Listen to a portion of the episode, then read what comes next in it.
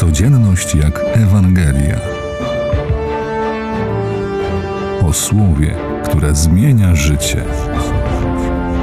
Przedstawia ksiądz Sebastian Bisek.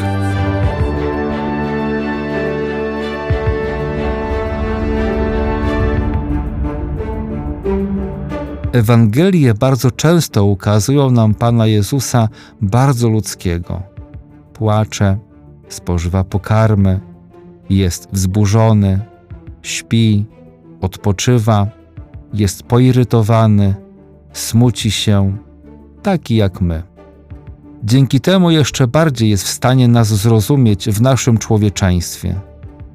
Dlatego jest nam tak bardzo bliski i w nim każdy z nas ma możliwość spotkania Ojca nie na wysokich niebiosach, ale tutaj, w naszym codziennym życiu, w naszym zabieganiu i chaosie codzienności, który On jest w stanie uporządkować. Wystarczy Go tylko do naszego życia zaprosić, bo On przechodzi obok nas każdego dnia, chcąc nas nawiedzić.